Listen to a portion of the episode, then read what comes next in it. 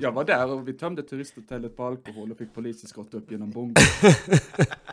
Så, alltså eh, om Hammarby vinner, om Hammarby vinner mot Malmö, då ska jag fan skicka ett personligt brev till Elon och be han skicka Twitter upp med en av sina jävla rymdsonder alltså. Då kommer det bli outhärdligt där ute. Ja, det kommer det. Herregud.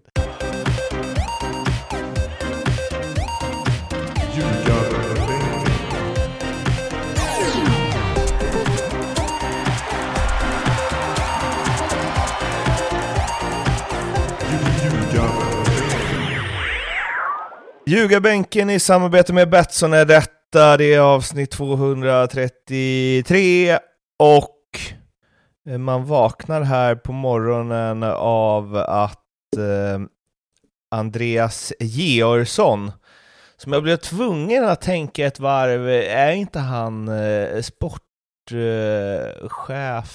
eh, i MFF? Men han är liksom inte, han är ju någon specialsportchef va?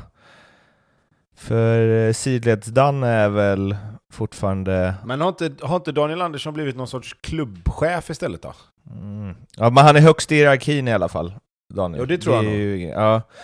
Men att han eh, kör en retweet av Fotbollskanalens eh, Star avslöjar att någon läckte MFFs taktik Eh, och sen så pratar han ju om att de inte blev överraskade, varpå Georgsson eh, retweetar med inga överraskningar för IFK var ju inte riktigt min känsla första 30.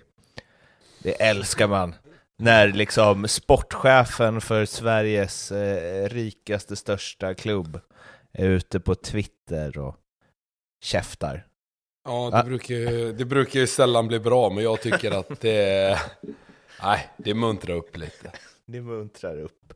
Det är så här, alltså det hade varit en sak om det hade varit eh, Chippens favorit där i Mjällby, om han hade varit ute och vevat, men man gillar ju när det, när liksom professionaliteten eh, får ge vika för viljan att käfta lite. Det gillar du med Tobbe? Ja, absolut. eh, och, och sen så är det väl så att eh, it's funny cause it's true. Ja. Det såg ju inte ut som att Blåvitt hade riktigt koll på Malmö första halvan av uh, den här matchen, eller kanske inte någon halva, men Nej. en mindre i början.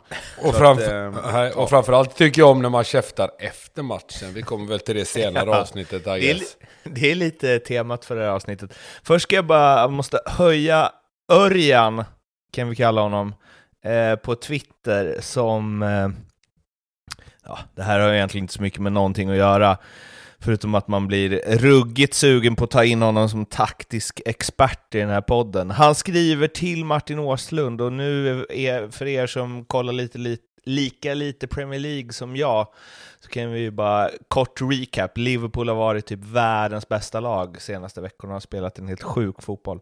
Eh, varpå Örjan skriver till Martin Åslund, en reflektion från soffan. Lag som möter Liverpool. Varför inte trycka långa bakom Liverpools backlinje som gameplan?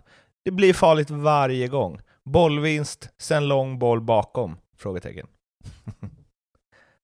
Ja, fan jag älskar, älskar Örjan. Sen, sen ska det ju dock sägas att han har inte helt fel, för det är ju faktiskt på det sättet som lagen har sårat Liverpool. Framförallt gjorde ju City det. Eh, på ett sätt som, jo, man, kanske inte, som man kanske inte är vana att se City spela. Världens näst bästa lag. Ja, det är väl uh, hugget som stucket där. Nej men alltså, nej men grejen är väl att uh, jag tycker Örjan har en poäng här. Vi kan väl släppa det där. Forza Örjan, hör av ja, dig om du har tid över för att analysera allsvenska lags taktik. Vi kan väl börja där då. Vad, eh, vad tror ni Örjan hade sagt om eh, Blåvitt start mot eh, MFF? Var de överraskade, eller hade de helkoll? Nej, jag, Malmö sköljde ju över dem det första de gjorde, som de flesta hemmalagen gör ska ju sägas. Men eh, nej, de imponerar såklart. De kör över Blåvitt fullständigt och jag tror vi tar till 34-35 minuter innan Blåvitt får ett ordnat anfall. Eh, det som är bra för Blåvitt är att de håller nollan hela vägen in till, eh, till halvlek och bör väl göra 1-0 på Mackans superchans där i, i slutet. Eh, men det är inte alls orättvist att det står 0-0, det är väl snarare så att Malmö ska leda egentligen. Och sen får de ju 1-0 rättvist i, i andra halvlek. Och det finns väl inte mycket mer att säga om det. Malmö var det bättre laget och eh, spände musklerna ordentligt i den här matchen.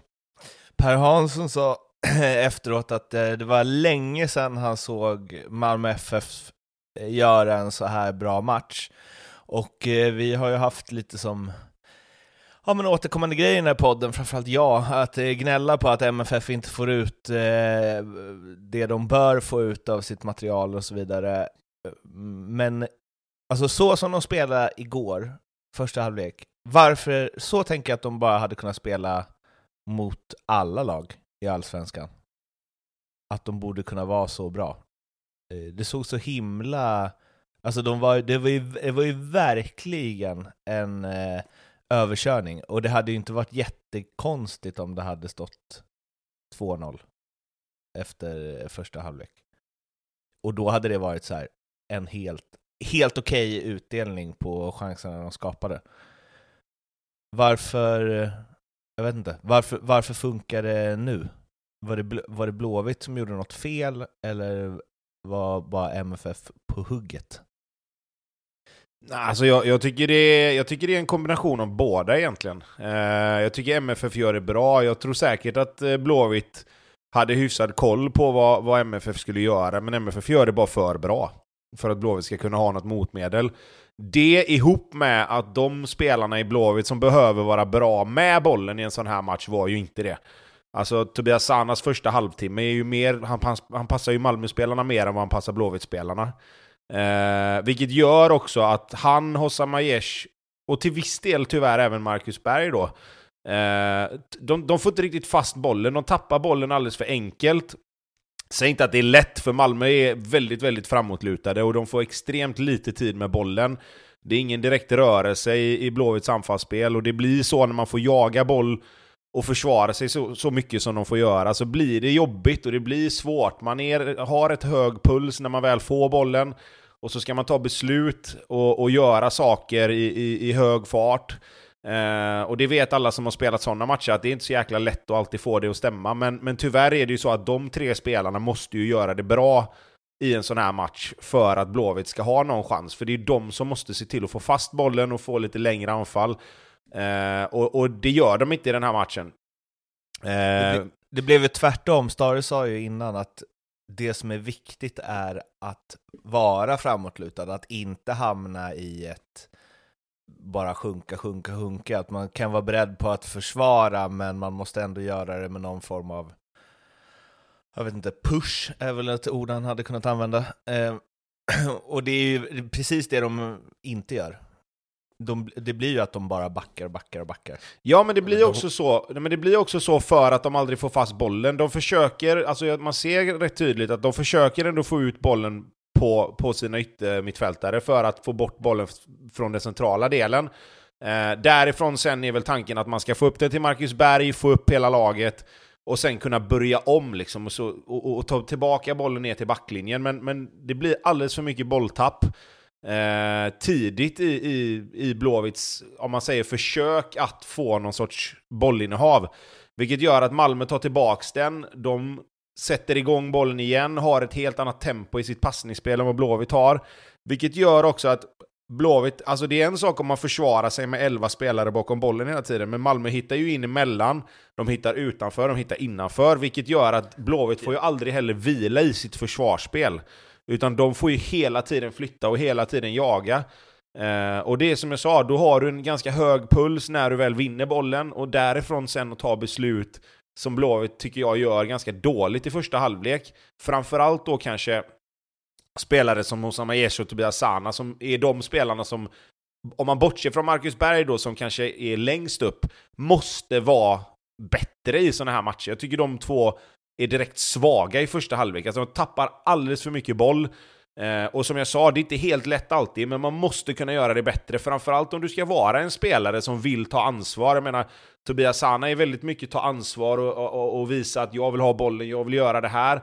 Och att i en sån här match då tappa bollen så mycket som han gör, då blir det nästan, han blir nästan en belastning i vissa lägen. Och då, är det med, då, då kanske det är viktigare för Blåvitt att få bollen hela vägen upp till Marcus Bergius, för att hellre tappa den så att det blir liksom att man sätter in bollarna nästan in bakom Malmös backlinje, för att i alla fall få upp laget lite.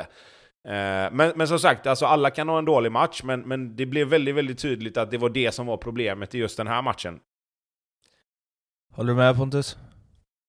Ja, det är väl bara att fylla i där lite egentligen. Tobbe är ju gammal forward så han vet ju själv när man står där uppe och, och tittar bak så ser man liksom det är en belägring av det blåvita lägret egentligen från, från start. Och som man säger att får man inte fast bollen då eller får lite avbrott här och där så blir det svårt. Och de offensiva spelarna tappar bollen i princip ja, de löser av varandra bara hela tiden. Det är svårt och eh, det blir kortslutning i hjärnan när du aldrig får vila och eh, då blir mer och mer chanser för Malmö och de vinner fler och fler bollar högre upp.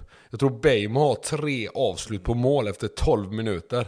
Det är nästan mer än vad Blåvitt mäktar med på hela matchen. Och han är högerback i Malmö. Och det säger väl en del vart de vinner bollarna och vart han befinner sig på planen.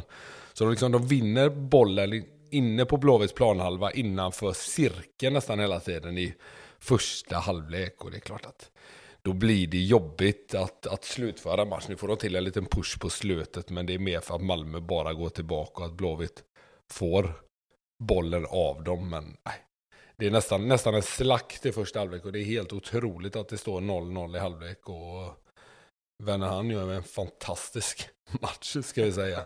Men det blir någonstans, det är lite så, det, det blir så, det är samma med målet egentligen, straffen som blir till. Är, Simon tar ett felbeslut och det har egentligen, jag tror inte han tar det felbeslutet på hemmaplan när de själva äger bollen, utan han är trött, han liksom gör det enkla och en alibi tackling och Ola fintar upp han på läktaren liksom där, där han köper kör, men innan det så tar han bollen med handen och ja, vilken jävla pissstraff. Ja, men det, det är någonstans, det är de här misstagen som händer eh, när du är så tillbakapressad. Nu kommer ju det här direkt efter halvlek, men det är ju inte så att, ja visst, de har fått sitta där inne en kvart och hämta sig, men de är fortfarande pisströtta när de går ut och Malmö har fått ytterligare lite energi och sätter fart igen. Och ja, efter det så är det ju ridå, man vet att det här kommer de ju aldrig att, eh, att kvittera. Fast jag, fast jag håller inte med där riktigt, för vi snackade om att Malmö var så himla bra i första halvlek, och det håller jag med om. Men, men sen är det så här också, och det är det här jag tror att det är det här jag tror att många Malmö-supportrar kanske kan haka upp sig på i en sån här match, det är ju att de inte dödar den här matchen. För att det är ju trots allt så att en fast situation, det här har vi pratat om förut, nu, nu, var, det inte, nu var det inte så att Blåvitt skapade en massa fasta situationer och de har heller liksom kanske inte liksom de här monsterchanserna till att, att faktiskt göra 1-1. Men jag menar, säg att sista chansen där som Oskar Wendt får, jag menar en sträckt vrist i bortre där ordentligt, och så är det 1-1, och då kommer Malmö ifrån den här matchen med att fan, vi var helt överlägsna, och vi fick ändå bara en poäng. Och jag han orkar ju knappt spänna vristen nej, där, för nej, han är så jävla nej, trött. nej, men, för att jo, han har liksom visst, varit absolut. plågad i 90 minuter av Absolut, att och jag säger, inte att, jag säger inte att det var nära heller, men, men man vet ju fortfarande att det är ju trots allt bara ett mål, och, och ska jag vara helt ärlig så kan man väl i så fall lägga den här vinkeln på det. Malmö gör ju inget spelmål i den här matchen. Och för att vara så överlägsna rent spelmässigt och sen komma ifrån matchen utan ett spelmål. Malmö vinner rättvist, men det hade jag varit lite fundersam över om jag hade varit både Malmö-spelare och Malmö-supporter. Att hur kan de spela en sån här match utan att göra mål? Förutom på den här straffen då. Ja, jag, vänder på, jag vänder på det och säger hur kan de spela en sån här match med så många spelare på skadelistan som de ändå har? Mm. Ja, fast vem, vem förutom... Vem förutom... Eh... Ja, det är alltså, Martin Kiese Olsson och Thelin är ju liksom jo, svaret visst. på Ja, ja, absolut. fråga. Kiss, kissen hade ju gjort två i första där. Jo, jo, jo, nej men absolut. Visst, så kan, man ju, så kan man ju vända och vrida på det hela tiden, men samtidigt är det ju så här att de skapar ju ändå målchanserna de har, och det är ju liksom inte... Det är liksom inte en 17-åriga juniorer som spelar från början. Nu kommer Hugo Larsson in och, Hugo Larsson in och gör det bra liksom. Men resten av spelarna, liksom, vi snackar ju fortfarande om att det är, det är Ola Toivonen, det är Berget, det är Sören Rex, det är Anders Christiansen. Jag menar, det är ju liksom inte... Det är inte vilka som helst som är på plan. Och jag menar, Malmö har ju en sån trupp att de ska ju inte, vara, de ska ju inte stå och vara beroende av att Isak Kiese Thelin spelar för att kunna göra mål. Liksom. Då, är de ju, då, då är det ju någonting som är fel. Nej absolut, där håller jag med dig. Sen så får de ju tillbaka, att de får tillbaka Penja här nu tycker jag. Det, Det var lite som jag skrev i våran grupp där igår Tobbe. Det är en Angelo Vega on crack alltså. Det är en futsalspelare på en storplan. Det är fan, när han får spela den typen av fotboll där de liksom är framåtlutade. Fy fan vad bra han är. Usch. Alltså, framförallt så jävla mysigt att bara sitta och titta på. ja, ja, alltså, nej, nej. Vi, vila flyter ögonen på den typen av spelare. Ja, nej, det är otroligt. Ja men han är ju en, han är en sån, alltså jag, nu, nu har inte du gjort det Pontus, men, men han är ju en sån spelare som spelar i de lägre serierna men som har spelat högre upp. Han har så mycket tid på sig och han smäller in passningar överallt. Liksom. Det ser ut som att, ja men, ja, jag gör så här då. Ja men, ja, där är, nej men han kommer inte riktigt nära. Ja men jag gör så här. Alltså, det, det ser ut som att han, det, det ser ut som att han är en sån gubbe du vet, ja men jag åker och, och spelar med mina polare lite. Och, och bara dunkar in passningar till höger och vänster överallt. Eh, sen får Har så han mycket ju... tid på sig alltså. Ja, men, hela alltså, tiden. men, men det, det är ju också, det är också ett bevis på att liksom Blåvitts försvarsspel, det som har varit så kompakt och det som har varit så bra, det funkar ju liksom inte. Alltså Malmös tre innermittfältare där med, med Christiansen, Rakip och, och Peña, de, det blir ju en för mycket. Och när dessutom alla de tre är så bra som de är, så är det klart att då blir det ju problem. Liksom. Alltså det är klart att det är så. Och egentligen, om vi ska titta på Blåvitts försvarsspel, så är det egentligen bara mittbackarna, Gustav Svensson och målisen, som, som kommer undan med godkänt även i försvarsspelet i den här matchen. För även om de jobbar hårt och även om de liksom försöker att hålla Malmö borta, så, så löser ju inte de andra spelarna det, det kompakta försvarsspelet som de har haft innan. Det är ju hål överallt. Så de, det Var stackars Yellow blocket... rätt bra ändå? Vad sa du? Var inte Yellow rätt bra ändå? Ja, alltså... Ja, skulle jag säga. Alltså, jag tycker han gör det okej i, i sina egna situationer, men jag menar det är ju Ja, fortfarande... det det menade. det händer ju rätt mycket kring, kring kanterna ändå. Liksom. Eh, sen visst, han, han kanske är godkänd också då, men jag menar det, det man ser är ju mer att mittbackarna och, och Gurra får ju jobba som as. Alltså, jag vet, eh, vi snackade om det igår också där på att jag vet inte hur många inspel snett in och bakåt som Gustav Svensson är i vägen på. Jag vet inte hur många gånger Kalle Johansson och Bjärsmyr är på rätt ställe liksom. Sen kan de inte freda målet själva heller och då gör målvakten det som han ska plus lite till egentligen. Så att, eh, det, det är bara att sätta sig och titta på den här matchen för Blåvitt tycker jag och sen använda den som referens att okej, hur gör vi när, när vi får sånt här liksom bombardemang emot oss? Vi måste kunna ha bollen mer. Eh, en eh, sak som, eh, som icke för detta professionell fotbollsspelare, eh, som jag är lite nyfiken på kring Penja där då. För du hade väl ändå eh, Pontus som uppgift att eh, försöka sparka ner de där spelarna ibland. Alltså, för att jag håller med, eller jag tycker det är en så bra beskrivning när du säger Tobbe att det ser ut som någon som är eh, liksom en, en som spelar på alldeles för låg nivå. Men vad är det med han som gör att han inte spelar på en högre nivå då? För att så liksom så smooth som han är med bollen och liksom hur han rör sig, alltså det går ju typ inte att göra det på så mycket bättre sätt. Samtidigt så är han ju mil från eh, Luka Modric liksom. Eh, vad, är, vad är skillnaden? Att han är dummare eller att han gör saker för långsamt? Jag skulle säga Eller att du har vad? två, tre sådana i varje lag ute i Europa. Om vi ska... Ja, och de som tar lite. hans plats liksom. Vad är de Ja, bättre på? Är det nej, huvudet det- eller är det... Jag tror nog Kvickheten. generellt är de bättre. Alltså de är väl som han fast, fast bättre på det skulle jag säga. Mm. Alltså de finns ju överallt, eh, den typen av spelare. Jag tänker väl lite som... eh, Nu börjar folk eh, snacka om Bilal Hussein som jag har hyllat innan. Men det, den typen av spelare har ju alla lagen ute i Europa. Och som är bättre också. Så det är klart att du måste sticka ut väldigt, väldigt mycket mer. Sen är det inte så att han, inte, att han skulle klara sig dåligt om han skulle gå till ett annat lag. Det tror jag absolut inte. För han har ändå den här tekniken och blicken för spelet. Men ja, I Allsvenskan blir det så himla påtagligt. Ja men framförallt en sån här match också när de leds ut till slakt lite. Har jag sagt förut att jag inte gillar 4-4-2? Eh, och i en sån här match så tycker jag det blir extra tydligt då när du möter ja, Sveriges eh, topp tre bästa innermittfält i alla fall, kanske det bästa. Eh, när du, Gurra och, och Tern springer runt där och de springer 80 kring dem. eh, Rakip och, och Peña direkt. De står där och passar till varandra och så har du Christiansen som, som hittar fria ytor. Sen kommer Toivonen ner och hittar en yta utanför dem.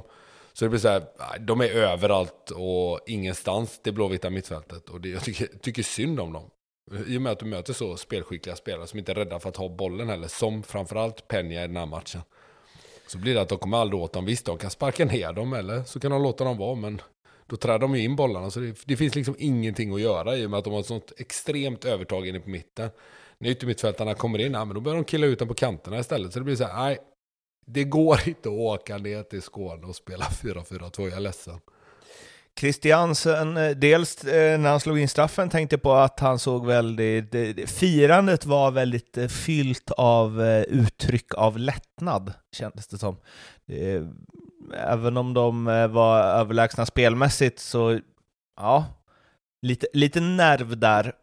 Sen så gick ju han ut, eller gick gjorde han ju inte ens. Han Nej du, det gjorde han jävla inte. han smög väl ut, eh, haltade ut, eh, hårt lindad. Eh, och där måste, alltså, måste bara stanna lite på, hur kan MFF inte ha en spelare redo att bytas in? Ja, vi ska inte spekulera för mycket här nu i, i skador och sådär, men det är minst fyra veckor kan jag säga. Alltså, jag kan, ja, jag kan väl ta den... Var ju... Tobbe, du, du, du ja, som har smält ett par. Jag kan väl ta den då, eftersom jag har haft min, min beskärda del av hamstringskador. Och det, det som man generellt kan säga är ju att alltså, jag har aldrig jag har aldrig fått så jävla ont som han verkar ha fått där. Alltså, och, och det... Du är rätt tuff också. Nej, det ska man nog inte kalla mig. Men, eh, nej, men jag, bara, bara liksom av att titta på att han att, alltså man, så här, man känner ju att man drar baksidan. Det, det, är inget snack om det. Det blir en sån här... Du, du, du känner igen den känslan om du har gjort det någon gång, men det ser ut som att han har jävligt ont med en gång. Och det, det för mig då talar ju om att det kanske är lite värre bristning än vad man kanske får när man bara drar baksidan. För många gånger så tar du dig åt baksidan och så känner man känslan att fan också, nu, nu gick den liksom. Men här har han ju verkligen skitont. Och det är ganska snabbt liksom. Och normalt sett så kan du ändå liksom, du kan ändå halta av och liksom på något sätt gå av, alltså så.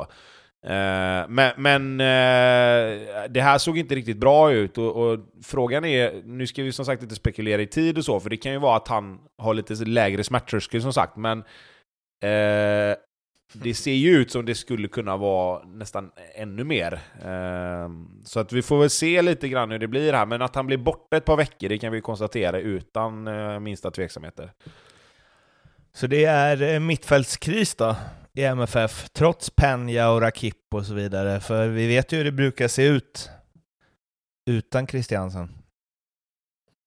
Ah, det ska väl mycket till att det ska bli kris i Malmö. Eh, jag tror att de kastar in Hugo Larsson och låter honom spela lite mer. Eh, jag tror att en sån som Ola Toivonen kan ta en Anders Christiansen-roll kanske, och så sätter man Kiese Thelin längst upp. Så att eh, jag tror inte att det är några större bekymmer. Sen är det klart att det är en bra spelare som kommer saknas givetvis.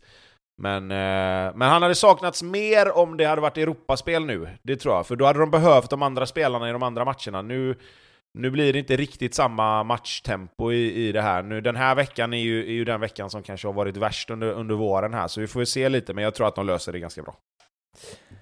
Sista grej, Sören Rex och uh, Mattias Bjärsmyr har lite tjafs efteråt. Känns som att uh, Sören Rex, alltså det är klart att han är lite under lupp när eh, Malmö möter Blåvitt, men det känns också som att han eh, typ sett, eller springer in under den luppen själv. är det inte alltid lite tjafs? Jo, fast jag tror att han blir, han är först och främst den typen av spelare, sen blir han väl, som sagt, det är väl skönt när du får motta det, han får, han får ju äta rätt mycket på Ullevi och sådär ska man ju ha med sig. Så det är nog rätt skönt när man, när man kan gå segrande ur en sån här och hålla känslorna i styr. Det är klart att man kan tycka att en spelare borde agera på ena eller andra sättet. Men de är inte mera människor heller. Så jag tror han tycker det är, det är nog rätt gött att trycka till Blåvitt på samma sätt som att Blåvitt vill, vill såklart trycka till honom med hans historia. Så nej, jag har egentligen ingenting att säga om det. Eh, man, kan, man kan tycka vad man vill att man ska bete sig på, på det ena och det andra sättet. Men i stridens hetta är det, är det svårt att, att vara labil. Jag sa till honom, Sören, gå härifrån. Du borde fatta bättre. Det är ett bra citat från Bjärsmyr. Ja, chas. Chas. Sören, chas. Men frågan är om han fattar bättre och bara gillar det. Det tror jag. Jag tror han fattar precis. Att han, jag tror han, han har en aura av någon som gillar att provocera lite grann. Ja, fast så här, man får ju faktiskt njuta när man har vunnit. Det är klart att eh, hade, hade de torskat så hade han ju definitivt inte varit där. Det, det kan vi ju slå fast. Tobbe, du gillar sånt också, eller hur? Nej, jag har inga problem med det. Eh, alltså, ska man ge får man ta lite och då gäller det åt båda håll tycker jag. Så att, eh, det, det tycker inte jag är något konstigt. Nu ska vi snacka derby, AIK, Djurgården och eh, först eh, ska jag börja med att säga två saker. En sak som jag glömde säga i början. Ni som lyssnar på det här och tänker va? Hur ska de kunna prata om Norrköping-Kalmar? Den har inte spelats än. Så om det blir den sjukaste matchen så kommer det ett extra insatt Norrköping-Kalmar-avsnitt. Annars så blir det så här ibland. Vi liksom, det är inte public service här, vi kan inte tillgodoses all, tillgodose alla intre, allas intressen med airtime. Eh, AIK-Djurgården går vi till istället. Eh, och eh, vilken match är störst då? Det debatteras ju alltid när eh, sånt här, eller debatteras, det finns ju liksom 08-supportrarna, det- de öppnar ju inte riktigt för eh, debatt kring det. Det blev ju lite liv när Jonas Dahlqvist sa att Malmö Blåvitt är större, men eh, för er som är i och för sig lite färgade, men vilken match är störst? Men kan man, inte, kan man inte bara få tycka det som man själv tycker då? Om AIK och Djurgården vill tycka det, låt dem tycka det då. Vill Jonas Ja, Dahlqvist oj, tycka tvärtom? vad rädd han blev nu. Nej men jag nej, men, nej, men, nej men så här. Nej men alltså jag tycker liksom att jag, jag tycker så här att det, det blir alltid en massa jävla tjafs om att ja men det här, det här tycker jag ja, och du har fel. Men vad fan, folk får väl tycka som de vill eller vad? Måste, det, måste man bestämma det eller vad? Ja, nu är vi här för att tycka Tobbe, så tyck någonting för en Ja, skull. vilken match är störst? Ja, då, då, jag, för mig så tycker jag ju såklart att Malmö Blåvitt är större. Men det är ju för att jag har spelat i Blåvitt. Visst, jag har spelat Stockholmsderby också, och det är klart att de derbyna där uppe var ju jävligt coola att spela och sådär, men för mig som, som är från Göteborg, det är klart att Malmö, det är klart att Malmö mot Blåvitt är större. För mig är ju då liksom även Blåvitt AIK större. Men det är ju, det är ju för att jag tycker det. Men vilken match, om du kan gå ut ifrån liksom, det kanske är svårt, men om du försöker vara objektiv i det, när man ser på matcherna, inramning, stämning, vilken, ma vilken match känns störst? Eh, det, ja, jag vet, jag vet fan alltså, för att där, där är det svårare då tycker jag. Vad, vad gäller om man ska titta på inramning och allt sånt där. För det är klart att är det 50 000 på Friends, så är det en jävla skillnad mot om det är 16 000 på Gamla Ullevi liksom. Alltså, det- så, så, det får man ju ha med sig, att det, arenorna är ju större i Stockholm. Vilket gör att det, det, det bäddar ju för en helt annan intensitet och en helt annan, liksom om man säger, kuliss på det sättet. Eh, men, men alltså jag, jag vet inte, jag tycker, jag tycker det är så mycket annat som spelar in. Jag tycker liksom att känslor, jag tycker att till viss del tabellposition och, och hela den biten spelar ju också in. En, en enstaka match mellan AIK och Djurgården kan ju vara större än en enstaka match mot, mellan Malmö och Blåvitt beroende på hur läget är. Liksom. Så att jag, jag, jag kan inte ge jag, för mig som är från Göteborg, jag, jag väljer ju liksom, okej matcherna mot Malmö och AIK är större i så fall. Pontus? Ja, nu ska jag vara lite tydlig här nu då. Och det jag kommer säga är givetvis rätt också. Mm. Och jag kommer inte att gardera mig. Nej. Jag tycker så här. Att derbyna är givetvis alltid störst. Eh, nu har vi ju inga derbyn i Göteborg, höll jag på att säga. Det har vi ju mot Häcken, men eh, förr i tiden. Mm. När de andra lagen var uppe, då, då tyckte jag att de matcherna var otroligt stora också. Sen tycker jag, om man ska säga den största matchen i Sverige, och där är jag kanske lite färg, men det tycker jag någonstans inte är Malmö-Blåvitt, det tycker jag är Blåvitt mot AIK. Det är, eh, nej, det är någonting extra med den matchen. Det måste jag säga. Och eh, jag tycker inte att det är någonting extra. Det är klart att det är en väldigt stor match, Malmö-Blåvitt. Men inte på det sättet som, som Blåvitt AIK är, eller för den delen Stockholmsderbyna som jag ändå tycker är lite mäktigare om, som vi jämför här då med Malmö Blåvitt. Det tycker jag nog är eh, att de är lite större de matcherna. Just för att det är derbyn. Och att lagen är, är samma stad då givetvis. Men eh, skulle jag få säga en match i, i Sverige som är den mäktigaste på hela året och eh, generellt så är det Malmö, eller vad säger jag, AIK mot Blåvitt. Eller Blåvitt mot AIK då. Vad har vi El Vestico då? Ja, den är... Den Nej. ligger och skvalpar där under någonstans. Ja, jag tror att det är mer boråsarna som, som tycker om den än, än göteborgarna. Fan vad man saknar Blåvitt ÖIS. 44 000 på Ullevi. Ja, precis. Nej, men det, det, det var ju ett tag sedan, men... eh, det, Men- det men- dröj, men dröjer nog ett tag till. Nej men igår. om vi, vi, kan ju, vi kan ju bara sp- spinna vidare lite snabbt på det då. För mig då, om du... Jag tycker ju Blåvitt Guys var en större match än Blåvitt ÖIS för att man Ja, ogillade. Guys mer. Ja, det håller jag med om. Ja. Men var inte, jag, jag, jag ser bara ÖIS med liksom Paulinho och... uh, Afonso Alves. och, de de var så jävla fina då. Kjellander med årets mål och sådana grejer. Ja, i alla fall eh, det här eh, eh, derbyt då, som avgörs av att Bilal Hussein prickskjuter Stefanelli på skallen mellan två Djurgårds mittbackar som är väl åtminstone är 25 centimeter längre än vad Stefanelli är. Ja, jag tänkte Ehm. säga det. Hur, hur kan en kille som är två äpplen hög avgöra ett derby på huvudet? Det är helt otroligt. Sen är det en jättebra nick, men det är, och jättebra gjort, jättebra inlägg och allt det där, men det, det ska ju inte få hända givetvis. Så jag tycker väl att Djurgården faktiskt har en, en, ett par frågetecken i, i sitt mittförsvar framförallt. För jag tycker inte alls det har sett bra ut så här inledningsvis. Men vad då menar du att det inte, är det inte bara sjukt bra gjort? Av, eh, alltså Av vem? Av Bilal? Och Ja, träffade? men, jo, det är jättebra inlägg. Jag säger ju inte det. Men jag säger vad är försvarsspelet? Du kan inte låta... Det är ju inte så att det är jättemycket folk runt omkring liksom. Utan han hoppar in däremellan och knoppar dit den. De måste ju... Ja. Men Det är ett vadå? jättebra inlägg. Det är, ta inte Han är bort bra på huvudet också. Alltså man kan ju, Jo, men han är ju fortfarande jätteliten. Vad är problemet? Marcelo Salas?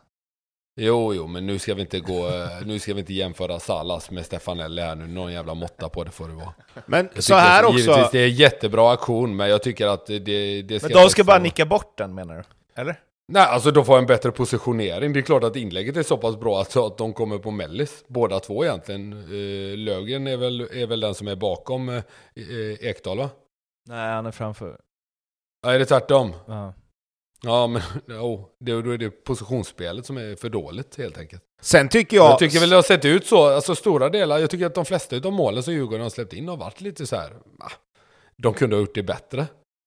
Sen är det väl så med de flesta målen, men jag tycker väl att ett lag som Djurgården som någonstans har... Eh, nej men de har, de har alltid varit bra på det. Och det, det är klart att eh, jag tycker att det ser lite oroväckande ut så här, så här långt in. Ja, alltså jag, jag, alltså jag tycker så här, är inte målvakten helt ute och cyklar också eller? Han är liksom på väg ut och står med händerna över huvudet och försöker liksom få den på sig. Om han bara står kvar nere på linjen så har han ju större chans att rädda den här eller? Verkligen. Även, även, om, även om nicken är bra och att det är ett bra inlägg, så han, vad, vad är han på väg ut och ska göra? Han har ju ingen chans överhuvudtaget tänkte på. att Nej, ta alltså. det inlägget liksom. Nej. För bollen är ju dessutom skruvad bort från mål. Hade den varit skruvad mot mål och det hade varit en vänsterfot, då kan jag förstå det på, på ett annat sätt, att man försöker kanske ha lite högre utgångsposition. Men det här inlägget har han ju noll chans att nå och komma ut och plocka liksom. Så han hamnar ju också på mellis. Och jag tror att det är ju också en stor del i att det ser så bra ut. För att den här nicken tror jag, står han kvar på linjen så vet du fasiken om inte han kanske till och med kan ta den. Håller med. Jag tycker det ligger mer på honom än på mittbackarna. Sen gillar, jag, sen gillar jag en grej, och det här har, vi, har jag klagat på innan. Det här med forward som inte kan nicka. Det där är, ja men när, man, när, man, när jag tittar på det, det är en bra nick, men framförallt hela tekniken i nicken, att han verkligen trycker ner bollen med huvudet liksom. Jag gillar det. Fan kan, du vet, så här på äldre dagar så kan man, kan man bli lite såhär bara åh vad gött att, en- att en forward kan nicka liksom. Det är ändå, det är ändå en bortglömd art. Men eh, ja, sidospår. Det är också... eh, det är ju också ingen konstgrässpelare, Stefanelli. Eh, väl? De har väl inte sånt där, tänker jag. Där han är fostrad. Eh, men ja, eh, Bilal hyllas av allt och alla. Sebastian Larsson säger att eh, Bilal gör honom bättre och eh, allt sånt där. Eh, är det en framtida stor försäljning? Ja, det är det ju. Det håller jag med om. är det en framtida landslagsspelare? Det tror jag absolut att det kan vara. Han är så pass bolltrygg och, och skicklig med bollen och eh, ja, så är han ju ung också så han kan väl utvecklas ännu mera. Nu gäller det att, som sagt, jag tror väl att han inte blir kvar efter sommaren. Det är en spelare som har många ögon på sig och eh, en försäljning är väl förestående kan jag väl tänka mig. Eh, sen får vi se hur han kommer klara det där ute. Det finns många spelare som jag var inne lite på innan som är den typen som han är. Så konkurrensen kommer bli hårdare, det kommer gå snabbare där ute, så vi får se hur han klarar det. Men det är absolut en av allsvenskans bästa innermittfältare, det tror jag att jag vågar säga.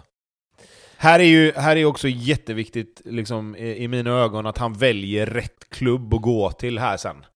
Eh, så att han tar liksom ett steg där det känns någorlunda överkomligt att faktiskt kunna få spela med en gång. Många spelare tycker jag väljer klubbar utefter antingen utefter liksom kontraktet eller kanske lite ryktet på klubben. Jag tycker att det är för många spelare som tar ett lite för stort steg med en gång. Istället för att som i, i något fall då kanske ta ett lite mindre steg för att växa in i den rollen och sen kunna ta nästa steg då igen. Eh, så så där, där hoppas jag verkligen att en sån som Bilal Hussein då kan välja en klubb att okej, okay, men hit går jag, här har de en, en, en liksom här har jag en chans att få spela med en gång och så kan jag utvecklas på plan istället för att sitta på bänken en halv säsong, komma in i sporadiska inhopp och sen utvecklas på det sättet. Uh, utan jag hoppas att han och hans Belgien är bra jag har hört. Ja, och Belgien eh, är sjukt, sjukt bra liga. Eh, många spelare som har utvecklats där. Eh, tyvärr för det mesta åt fel håll, men ja. Nej men alltså, så man inte liksom, så man inte blir lite fartblind där och liksom, nej men fan, nu har jag varit så jäkla bra, jag är i bra form, jag löser det liksom. För det är en helt annan sak att komma ut och spela i Europa, det vet ju du Pontus såklart, men, men just det där att att man tar det där steget, alltså steg för steg istället för att hoppa över någonting för att man blir lite blind på var man är på väg. Liksom. Egentligen är det väl så här, alla spelare som är toppspelare i Allsvenskan och hyfsat unga och ska ut i Europa, det är, att det ens håller, hålls på och divideras åt olika, det är väl bara alltså Groningen eller Heerenveen, det behöver inte vara konstigare än så, eller? Alla som går, det blir ju alltid kanon. Det, det har blivit det i 15 års tid liksom. Det är bara, jag förstår inte varför man ska utmana ödet. Eh, det var ju en del eh, snack efteråt om diverse eh, som vi ska, vi ska beta av punkt för punkt, men först bara kring Djurgården. De hade ju en del chanser, men det slutar ju alltid så här i derbyn. Så eh, min enkla fråga är, var Djurgården nära, eller såg det bara ut så? Eh, rent chansmässigt så är de väl det ändå. Man får ju inte mycket bättre läge än, än det Banda är det som får i första halvlek va? Ja. När han sparkar hål i luften så, nej, givetvis ska man ju mål där men ja, lite som du är inne på Mårten. Eh, det brukar ju sluta så här och eh, frågan är inte om det här derbyspöket är mer levande än någonsin. Ja, för det är ju ingen slump. Alltså hade det blir ju väldigt liksom, spekulativt. Men hade den här matchen spelats om hade Djurgården bränt de där lägena igen, känns det som. Alltså, om det hade varit just den här matchen. Hade det varit mot Mjällby hade de kanske suttit. Det är ju något. Fast de förlorar är... ju mot Mjällby också. Jo, jag, jag, kom på det. Jag kom på att det var det sämsta exemplet. Ja, av 14 andra lag du kunde valt så valde du fel lag. nej, men det, nej, men jag tycker liksom att... Det är klart att det, det blir ju det blir ju en grej av det när det blir så här i alla derbyn liksom. De är ju, de är ju nära och de borde kanske och det kunde kanske, men det, det sitter vi och säger efter varenda match ju. Och, och liksom förr eller senare så får man ju också ha med sig att det är klart att Alltså Nordfeldt gör ju en kanonräddning precis i slutet också på övertiden och sen kommer det ett inspel där jag kan tycka liksom att ligger man under med 1-0 i 92 minuten och det kommer ett inspel som går tvärs igenom hela straffområdet, att inte någon av Djurgårdsspelarna är mer heta och bara attackerar mål där med 100%. Ja, ja, då, då förtjänar man heller inte att göra mål, tycker inte jag. Alltså, det- där ska Fast det det ju var vara... väl Kalle Holmberg som fick chansen va? Ja, jo, men nicken i sig, alltså där tycker jag mer att det är en bra räddning. Sen är det klart att ett bra avslut så spelar inte det någon... Nej, ok- Ja, nej okej, Den nej. hade jag räddat. ju. Ah, i, och, ah, jag Det går ju rakt på honom. mål, men ah, Han nickar ju tillbaka den till honom för att inte göra mål typ. nej, skitsamma. Oavsett så tycker jag att det är liksom... Det, det är lite det som är problemet. Och jag skulle säga så här att det, det speglar väl också Djurgårdens inledning lite. Alltså det är lite för många spelare som inte riktigt eh, är på plats, alltså varken mentalt eller formmässigt. Eh, Mange Eriksson utbytt igen.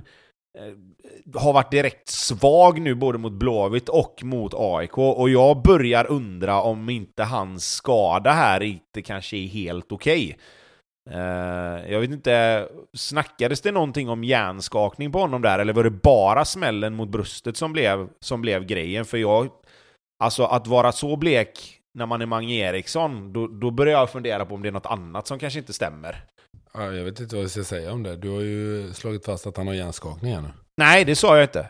Det var ju precis det jag frågade. Var det snack om att han fick hjärnskakning efter, efter smällen där i kuppen liksom? Nej, det tror jag inte va? Var det Nej, inte det? och då- jo, jo, det är väl klart. Var det? Alltså vadå, menar ni under uh, cupmatchen? Ja, alltså att, jazz? Ja, ja, det Ja, var men precis. om hjärnskakning. ja, och då tycker jag Absolut. så här att jag, jag, alltså med tanke på hur svag han egentligen har varit efter det, så, så, så blir jag lite så här, jag- det är klart att de inte släpper ut han på plan om inte han har klarat alla stegen, men frågan är om han är helt hundra ändå. Uh, för, för att fan, det, det är ett ganska stort tapp i kvalitet på en sån spelare på ganska kort tid i så fall, om det är så att han bara är ur form. Mm. Han var ju också förra året, alltså han var ju, han spelade ju hela tiden förra året och han var ju jättebra alla matcher typ.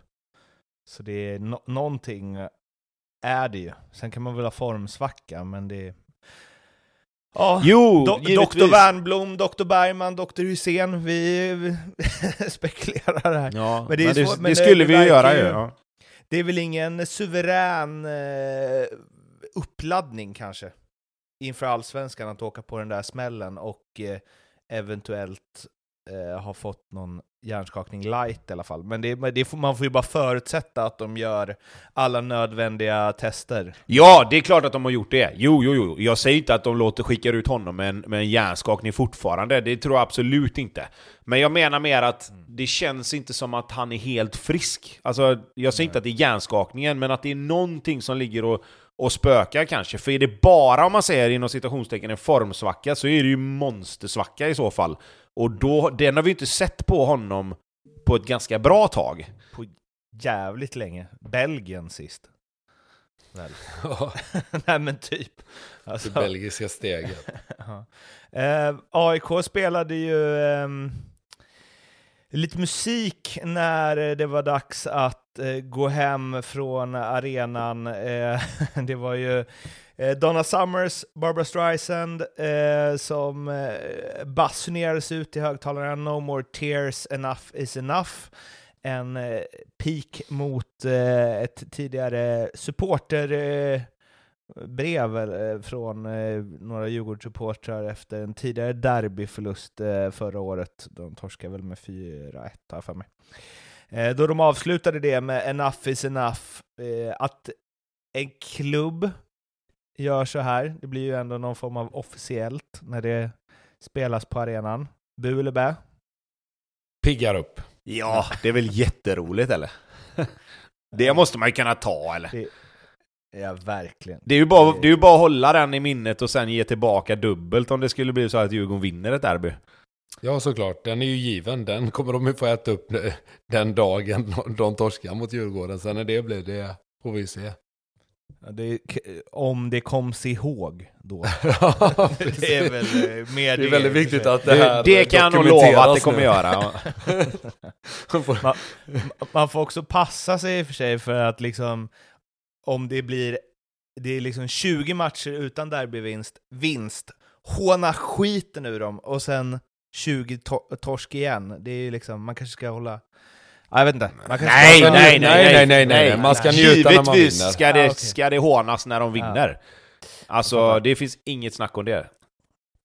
Jag var ju, eh, när Leksand eh, åkte ur, åkte ur eh, SHL mot eh, Mora, så spelade Mora eh, Money med Pink Floyd. Direkt efter slutsignal. Spelarna slogs samtidigt.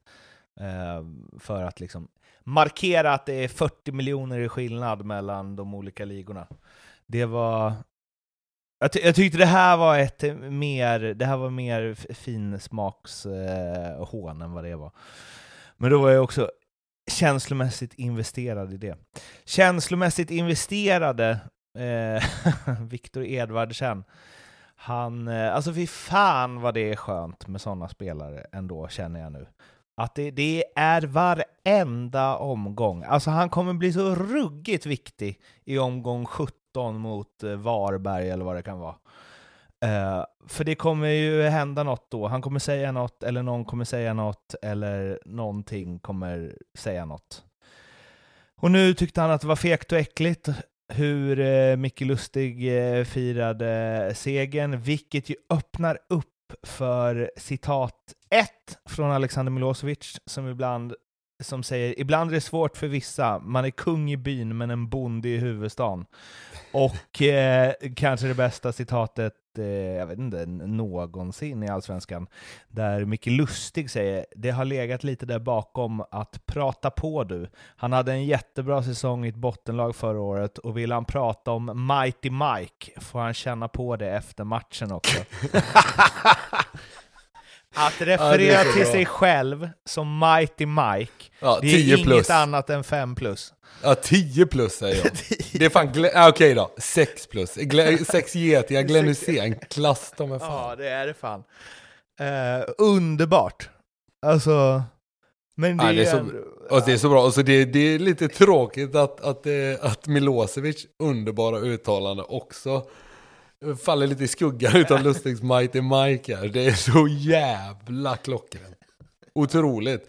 Men vi kanske ska komma till Edvard sen då, att visst, han, han piggar ju också upp givetvis. Och han, eh, han drar ju intresse till sporten. Men sen måste man ju någonstans lära sig att när man torskar håller man käften.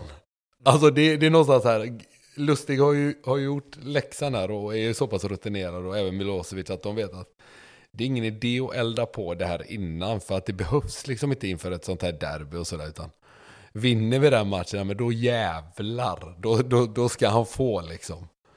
Och, och det gör de ju här. Och eh, ja, då får Edvardsen äta. Mm. Och det är väl bara att tugga i sig den eh, någonstans. För, eh, men som sagt, han piggar upp och, och det är roligt att, att han håller på tycker jag. För det skapar ett intresse redan innan matcherna. Men efter matcherna, när man har torskat, då borde det nästan vara inga kommentarer och, och titta ner i backen. Jo men det är det, hade han sagt det, då hade vi ju inte fått kung i byn med en bonde i huvudstaden, eller Mighty det hade vi Mike. väl fått ändå va? Nah, Jo, det hade- Jo, Jo, det hade vi fått jo, ändå. då du- jo, jo, jo. Han har nej, fortfarande nej, pratat nej. innan matchen. Ja, det hade har han. definitivt Ja, ja, ja. kommit någonting. Ja. Och lite som vi var inne på med Sören Rex innan, alltså det är klart att när man vinner då det är mycket som släpper för spelarna och då får man vara ute och ja, slå sig på bröstet och, och, och kalla sig själv för, för Mighty Mike. Det är helt okej. Men, Det är inte okej här, att kalla sig Mighty Mike när man har torskat ett derby. men det här med att man, eh, alltså, för han firar ju faktiskt i facet på eh, Haksabanovic som ju, ja, han verkade inte bry sig så himla mycket. Han var väl mer, ja ja, det är vad det är, det är sånt som händer i derbyn efteråt. Men jag vet inte, var, alltså det finns ju olika läger där. Vissa tycker att det inte är så snyggt och inte sportsmanship och man gör inte så. Nej men det är det ju inte. Det är, nej det gör man inte och det är det ju inte. Men som sagt så är det ju sånt som händer. Eh, och Så det, det är händer rätt- jämt. Och det är fel men Nej jag rätt. säger, eh, det är fel men det är så det blir. Men sen, vi, finns- vi, vi har väl inte heller koll på, det kan ju hända, jag menar, Micke Lustig och Haksabanovic mötte väl varandra hela matchen. Det kan ju varit att de har gått och småtjabbats under matchen och att det kan ha hänt någonting där som inte man har sett eller hört som gör att den reaktionen triggas efteråt, eller liksom Jag tycker så här, det, det, är så lätt, det är så lätt att haka upp sig på såna här grejer efter en match. Alltså om, om folk bara accepterar att okej, okay, det händer grejer efter, efter en sån här match. Det är en sån laddad match, och det har varit snack innan, det kommer bli snack efteråt. Lite som Pontus säger, såna här saker händer, ta det för vad det är. Och gör, alltså försök och hellre då liksom, okej okay, men nu händer detta, nästa gång om vi vinner, ja då får han tillbaka det liksom, och då får man ge och ta där. Jag tycker liksom, man, man, det, det, blir så stora grejer av en massa skitgrejer liksom. Det är väl en sak om man går fram och klappa till någon, eller om man liksom... Alltså, det, man håller man det bara på rätt nivå så tycker jag att det liksom... Då blir det en krydda i, i allting. Eh, och jag tycker att liksom, man får ta det. Alltså är man kaxig innan matchen så som Edvardsen är och försöker liksom hitta någon sorts trigger där då att AIKs backlinje ska vara långsam och sen att man inte kommer någonstans, då får man också räkna med att du kommer få äta när, när precis som Pontus säger, då kommer du få tillbaka det upp i, upp i i, i, i, liksom i nyllet när du sen förlorar. Och lika väl som nästa gång, det kommer hända någonting, någon kommer säga något, det kommer bli ett resultat och då är det någon som kommer ha rätten att vara lite extra glad och lite extra kaxig efteråt. Och så får det bara vara med det. Satan vad jag hoppas, alltså älskar Micke Lustig, men gud vad jag hoppas att någon ytter i liksom fan, Sundsvall eller något, har lekstuga med Micke Lustig och snappar upp det här Mighty Mike-grejen och drar en kommentar om det efter matchen. alltså, oj oj oj. Det, ja, ja, heja på alla, heja på alla yttrar som spelar på Lustigs kant från och med nu. Eh, måste bara säga det, shit vad han plockade bort eh, den spelaren som i alla fall du Pontus håller högst i hela allsvenskan. Sead kom Ja, han har börjat alltså. sådär va? Vad sa du? Jag tycker att de har problem. Mm. Hela Djurgården. Mm. Eh, det är många formsvaga spelare för som sagt, ja, det är han jag håller allra högst, men det har han ju inte visat i närheten av så här långt. Mm. Eh, en annan som inte var så het var ju Gustav Wikheim som eh, fick sig en rejäl avhyvling av Alexander Axén i paus. Eh, att jag eh, det ska vara en offensiv spelare och han gör ju inget där och han gör inget arbete i det defensiva heller. Och, ja, borde bli utbytt eh, direkt. Eh, och Irma höll väl med fullt ut. Var det en sån bedrövlig insats av Gustav Wikheim? Ja, alltså det, det, är klart att den inte är bra. Sen så tycker jag han har en kroppshållning som gör att det ser lite sämre ut. Är du med? Det finns många, det finns den typen av spelare som kan se loja ut Trots att de kanske inte är det på det sättet. Och det, jag tycker han har lite den utstrålningen. Men jag vet inte om han var mycket sämre än någon annan. Så det är klart att det är enkelt att hoppa på honom också. Som har varit lite in och ut i startelvan. Och har köpt in med, med fina lovord och sådär. Men ah, jag vet inte. Visst, jag håller med. Han gör, gör absolut ingen toppmatch överhuvudtaget. Och det hade väl inte varit kontroversiellt om de hade nypt han i halvlek. Men ah, lite hårda ord kanske. Men jag kan tycka med en sån spelare, liksom, om man nu som du säger Pontus, jag håller med dig. Det finns ju de som ser otroligt slöa ut trots att de inte är det. Men jag tycker att är det ett Stockholmsderby och du gör ditt första om man gör ditt första, liksom, du ska göra ditt första avtryck här på något sätt. Liksom. Skitsamma i de matcherna som har varit innan lite. Då får man ju också lite grann kanske visa att man faktiskt bryr sig lite mer. Och då kan jag tycka att vet man då med sig att man har lite den här Paul Pogba loja stilen, att det ser inte ut som man springer max och det ser inte ut som man jobbar hårt. Då får du ju göra någonting, alltså du får göra någon aktion som, som visar att du faktiskt gör det. Eh, och framförallt om du inte har gjort en... något avtryck innan, liksom, då måste du på något sätt Okej, nu har jag fått chansen från start här. Jag har inte, det, det har inte gått superbra för mig innan här, jag har varit lite si och så. Fan, nu ska jag verkligen visa här. Men, men det tycker inte jag att han gör heller. Alltså, loj spelstil eller inte. Alltså, en, en stor skillnad på honom och eh, Paul Pogba dock, är ju, eller liksom allt är ju skillnad på dem. Men en, det är ju att han ser åtminstone, alltså i facet ser han ju ut som en grovjobbare. Det är ju kroppen som är slapp. Ja. Han ser ändå ut som någon som går in och liksom grisar runt. Men det han, skickade, han skickade ju faktiskt Oscar Wendt över med en riktig tackling i förra omgången. Så Jo, jo, men det- sig, så. Jo, men det är det här jag menar, men, men då är det liksom så här, ska du ha en loj spelstil och sen bara i en enstaka situation spela fult, då blir det så här. Då blir det ju kontraproduktivt nästan. Då blir det lite så här som supportrar hade jag ju tänkt, vad fan, du springer runt och så gör du ingenting och så plötsligt så sparkar du ner någon liksom. Och riskerar att bli utvisad. Alltså, Ja. Men i ett derby är det ändå bättre än att springa runt och göra ingenting. Ja, nej, jo, jo, jo, nej men absolut, absolut. Men samtidigt också blir det ju så här, säg att han hade varit loj och varit jättedålig och sen tar han ett rött liksom. Då blir, då blir det ju bara fel, då blir det ännu mer fel. Alltså hellre då fan spring och liksom glidtackla ut bollen eller ta ett jävla maxlöp hem och visa att fan jag kämpar här liksom. Eh, innan vi hoppar vidare till eh, nästa match så Viktor Edvardsen måste ändå, det, det, fokus hamnar ju mycket på att han snackar, men ska man vara krass så eh, han har inte varit så bra alltså. Nej, jag sa ju det innan. Sa du det? Innan säsongen ja. Jaha. ja, ja, det, ja, men, men, vad- men eh, ja, din profetia har gått in alltså? Är det det du vill ja är det nu ska vi kanske lugna oss lite ändå. Det är ändå omgång fem. Jo, men, visst, han har ju... väl haft det lite tufft. Han började ju bra i första matchen med två baljer mot Degen där, men nu har han väl haft det betydligt tuffare tycker jag. Men han kommer ju knappt till något läge. Alltså, det är ju det mot Degen också. Det var ju inte, fram till målen där var han ju ingen höjdare. Absolut inte. Och han, efter det så har han, han har ju varit som mot Degerfors fast i, inte gjort mål. Sen dess. Ja, Jag tycker han har varit direkt svag inledningsvis. Så Mm. där har de ju mycket att hämta. Det behöver de ju få igång honom givetvis. Nu har det blivit dags att ringa upp eh, Andreas på Betsson eh, och den här gången är det faktiskt inte bara specialspelsnack utan vi har också lokaliserat Andreas som eh, en av få som såg 90 minuter av Sirius eh, Hammarby igår. Så vi ska få lite, lite fan, eh, eller lite supporterperspektiv eh, och speltips i ett. God morgon.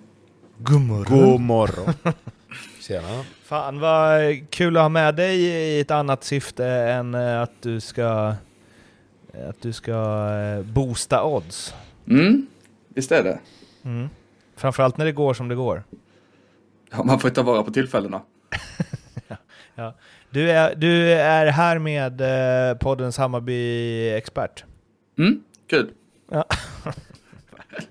Ja, du, vi börjar med den eh, enkla. Vi börjar på, eh, vad, vad börjar man på? 1000 kronors nivån va? Viljot. Svedberg, 100 miljoner plus. Ja eller nej? Ja, Håller du med? Skräll. Men allvarligt, det är ju en... Eh, fy fan vad bra han är. Alltså, Nej, jag, vill ha, jag vill ha ett odds på det nu. Andreas, ska jag få ett odds på det? att han jag går ska för 100 faktiskt, plus. eh, jag, ska, jag ska fundera på den under dagen och någonting ska jag upp med. Mm. Angående Svedberg. Eh, men Tobbe och Pontus, är det, är det 100 millar? Jag tror inte de får 100 miljoner i rak övergångssumma. Det har jag extremt svårt att se att någon köper en spelare från Allsvenskan eh, just nu. Sen är det ju extremt intressant att se vart det landar någonstans. För nu har han ju dessutom liksom börjat göra ganska mycket mål. Eh, och det är, ju en, det är ju en jävla höj på, på övergångssumman när en, när en mittfältare eller slash ytter då, beroende på hur de använder honom, börjar göra mål alltså. Eh, det, det, det kan vi ju konstatera, men jag tror att 100 miljoner är... I, i, I rak övergångssumma så tror jag inte det. Men alltså, han fyllde nyss 18 och har ju varit... Eh, alltså sen han byttes in i premiären har han ju varit... Eh, ja, dominant. Ja, men det som kanske talar för att det blir en väldigt hög övergångssumma i alla fall, det är väl lite som du säger, åldern. Om vi jämför lite med Bilal Hussein som är defensiv mittfältare, de går ju inte för de summorna. Han är ju en ytterforward eller offensiv mittfältare, kalla det vad du vill. Eh, och gör poäng. Framförallt det är ju någon, det som talar för att, att summan kommer bli väldigt hög för honom såklart. Sen vet jag inte hur långt har han kvar på kontraktet Andreas?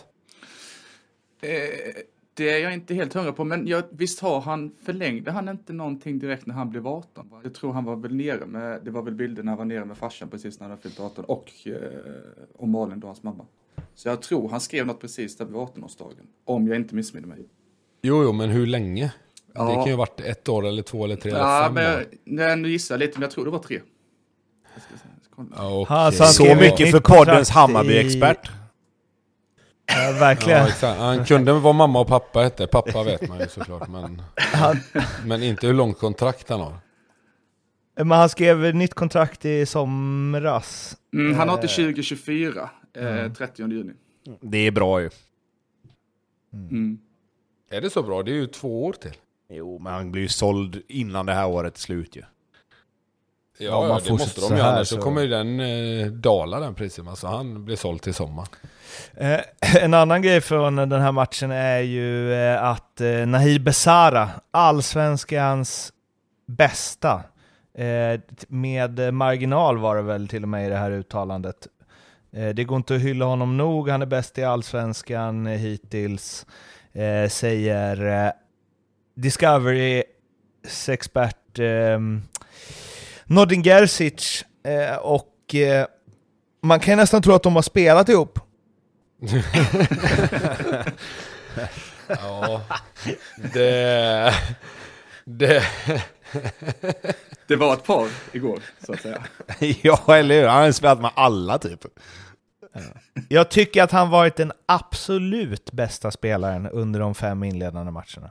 I hela allsvenskan, säger Nordin Gerzic. Nej, jag tycker inte han har fel alltså. Det, så kan vi väl säga. Nej, precis. Här kan man ju argumentera för vem det är som har varit bäst givetvis. Men eh, ja, Besara är framförallt en poängspelare och det tycker jag verkligen att han har visat här i inledningen. Han, eh, lite som jag sa innan också, va? eller hur var det? Andreas, du som var med där. Ja, pro, apropå Ja. profetior och sådär. Ja, det ser bra ut. 18,5 poäng om jag inte minns fel. Ja, han är väl på god väg va? Ja, Framför tre är han. Framförallt Ja. om han möter målvakter av Tommy Vaios kaliber framöver, då är det bara... Ja, det där får fan inte hända på riktigt. så- så det, jag blir så, så jävla det- provocerad. Den hade du tagit, Pontus. Ja, Det är, Nej. så, då, det är så dåligt så, eh, alltså... Ja. Det ska väl ändå sägas, tänker jag, alltså vilket lyft det har blivit för Bayerns fasta. Att man får en fot som man kan lita på. Bojanic är, har ju faktiskt en lite överskattad fot när bollen ligger stilla. Han är mycket bättre ute i spelet. Nu får man ju både frispark och hörnor nu bli en helt ny dimension tycker jag. Jag vet inte vad ni ja säger. eller så kan ni bara tacka målvakten där. Och så behöver vi inte prata fötter överhuvudtaget för den går Ja, rätt men det- in det är hörnmål mot-. Det är hörnmål mot Sundsvall och det är assist på frisparken mot Degerfors och sen nu igen här. Så ja, det är väl inte bara målvakten tänker jag. Sunds. I det här fallet var det bara målvakten. Och Ja, enbart. Och det var en dålig hörna för den hade en normal målvakt Sundsvall jag på att säga det- tagit. Och kontrat på. Och mot Sundsvall var det Sundsvall. Mer än Och mot Degerfors annat. var det Degerfors då också. Ja. Nej men alltså så här, obesegrad, eller liksom full pott hittills. Och det är eh, liksom, livet är gött i toppen av tabellen och så vidare. Men ärligt talat, så jävla mycket på prov har de väl inte satt, eller? Alltså det, ja, nej, det har de väl inte. Men man kan ju också vinna och så kan man ju vinna matcherna. Lite så känner jag också. Alltså 13, 13-2, fem matcher. Helt ärligt knappt släppt till en kvalificerad målchans på dessa fem. Kolla målen de har släppt in. Helsingborg, missförstånd i sista, sista minuten. Eh, och sen, ja vilken var det med nu? Sundsvall. Ja, Sadiku. Ille Tuppa. Ja, Sadiku står, jag vet inte vad han gör.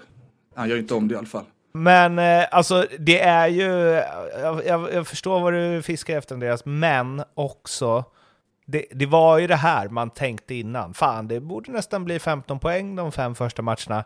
Sen är det ju inte, jag skulle ju säga att det kanske inte är så jävla on-brand Bayern att faktiskt greja 15 poäng då. Det är, ju, Utan- det, är just det som jag finner liksom är den stora grejen. För normalt sett så är det 3-1-1 i en sån här. Kanske 4-0-1 liksom. Men det är ju aldrig 13-2, 15 poäng. Det, har, det, det är ju inte on-brand. Men det är gärna ett- en rebranding som jag tar. Det här är någonting som tar emot för mig här nu. men- Men jag håller med Andreas. Oj! Ja, nej, det, det är inte klokt va, för att det, jag är imponerad av Hammarby. Eh, och framförallt, inte att de har tagit 15 poäng, för det tycker jag, ska de vara med och slåss om guldet så behöver, är det de här poängen de behöver ta. Men sättet de har gjort det på, lite som du är inne på Andreas, de har liksom kört över de andra eh, och vunnit tämligen enkelt får man väl ändå säga, de flesta av matcherna. Och eh, det, det är imponerande och då har de ändå inte fått igång Astrid Selmani i, i poängprotokollet på det sättet som man kanske hade hoppats. Men men jävlar vad bra han är i spelet alltså. Jo, absolut. Det, alltså, det har jag sagt innan också. Det tycker jag han har varit grym och det är väl bara en tidsfråga innan det släpper. Men, och då, då blir de ju ännu bättre såklart. Och nej, det, det ser bra ut. Sen kan man ju vända på det lite som du försöker här Mårten med, med att de har spelat fyra av fem matcher på konstgräs och sådär. Och visst, det går att hitta de grejerna också, men de har vunnit varenda match inledningsvis. Som vi förväntade oss av dem, men de har också gjort på ett jäkligt bra sätt. Så det blir roligt här nu när de ska få lite, lite hårdare nötter att knäcka här framöver. Welcome to hell hälsar eh, Nahir Besara till Malmö FF. Ja, Det märks Det- ju att han har det- gjort sina matcher i Turkiet. Verkligen. Det är... Äh, men det här, eh, det, för det är väl det som, eh, alltså det är det som gör det så jävla, alltså så pepp på den matchen. För jag, alltså det här blir ju, det går inte att få ett större test. Nej. Och, och, och alltså, krydda det med, med hela den här Zlatan-grejen som kom för några år sedan och där blev det lite hets där. Och sen då Milos på det, med allt vad det innebär. Alltså, det kommer ju det kommer ju brinna på måndag.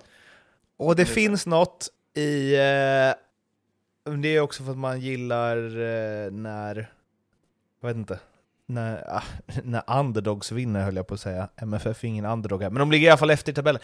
Alltså om MFF bara klär av Bayern 3-0, schmock.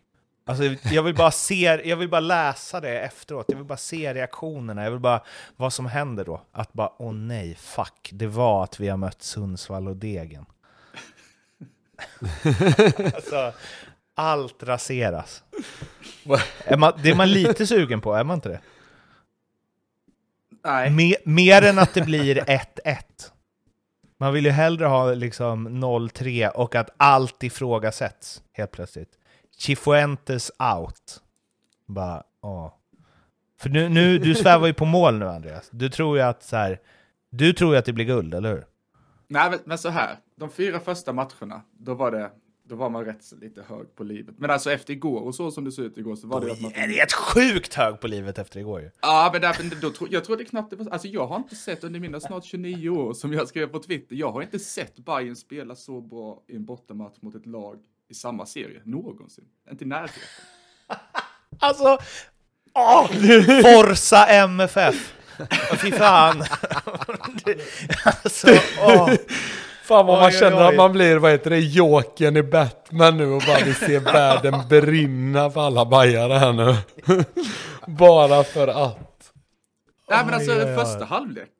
Det, vad, vad säger ni om första halvlek? Kan jag få höra nu då på riktigt? Vad säger ni? Vet du vad jag säger? Ja, jag vill bara fråga en Jag sak innan vi fortsätter Men det är här nu. Sirius borta, Andreas. Ja, Det är liksom, herregud. Har du sett Hammarby fotboll spela bortamatch de sista tio åren? Nej, men vad fan, kom igen. 3-0 Får jag bara fråga en sak Alltså, Andreas? innan Åh, vi då ska vi vidare? bara prata Du låter ju som gång. du kommer från söder ju. Nej, det gör jag inte. Nej, hur kan du hålla... Ja, berätta Det är- gärna lite mer om Det får det. jag beskylla min, min farsa för. Ja, Okej. Och sen blev det bara så. Listerlandet, Ja, eller vad är det? Nej, det är inte från listan. Det ska vi göra väldigt tydligt.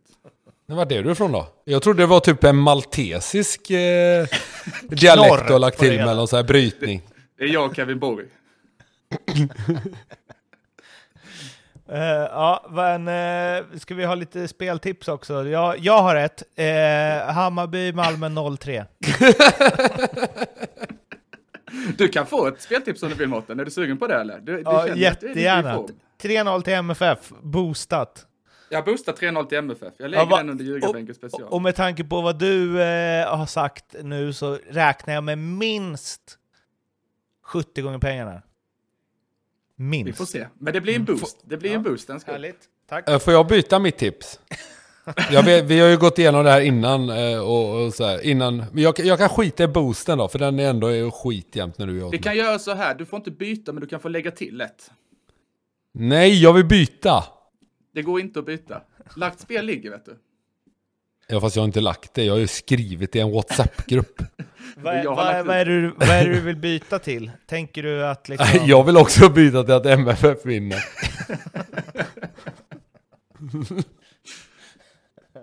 Nej, okej då.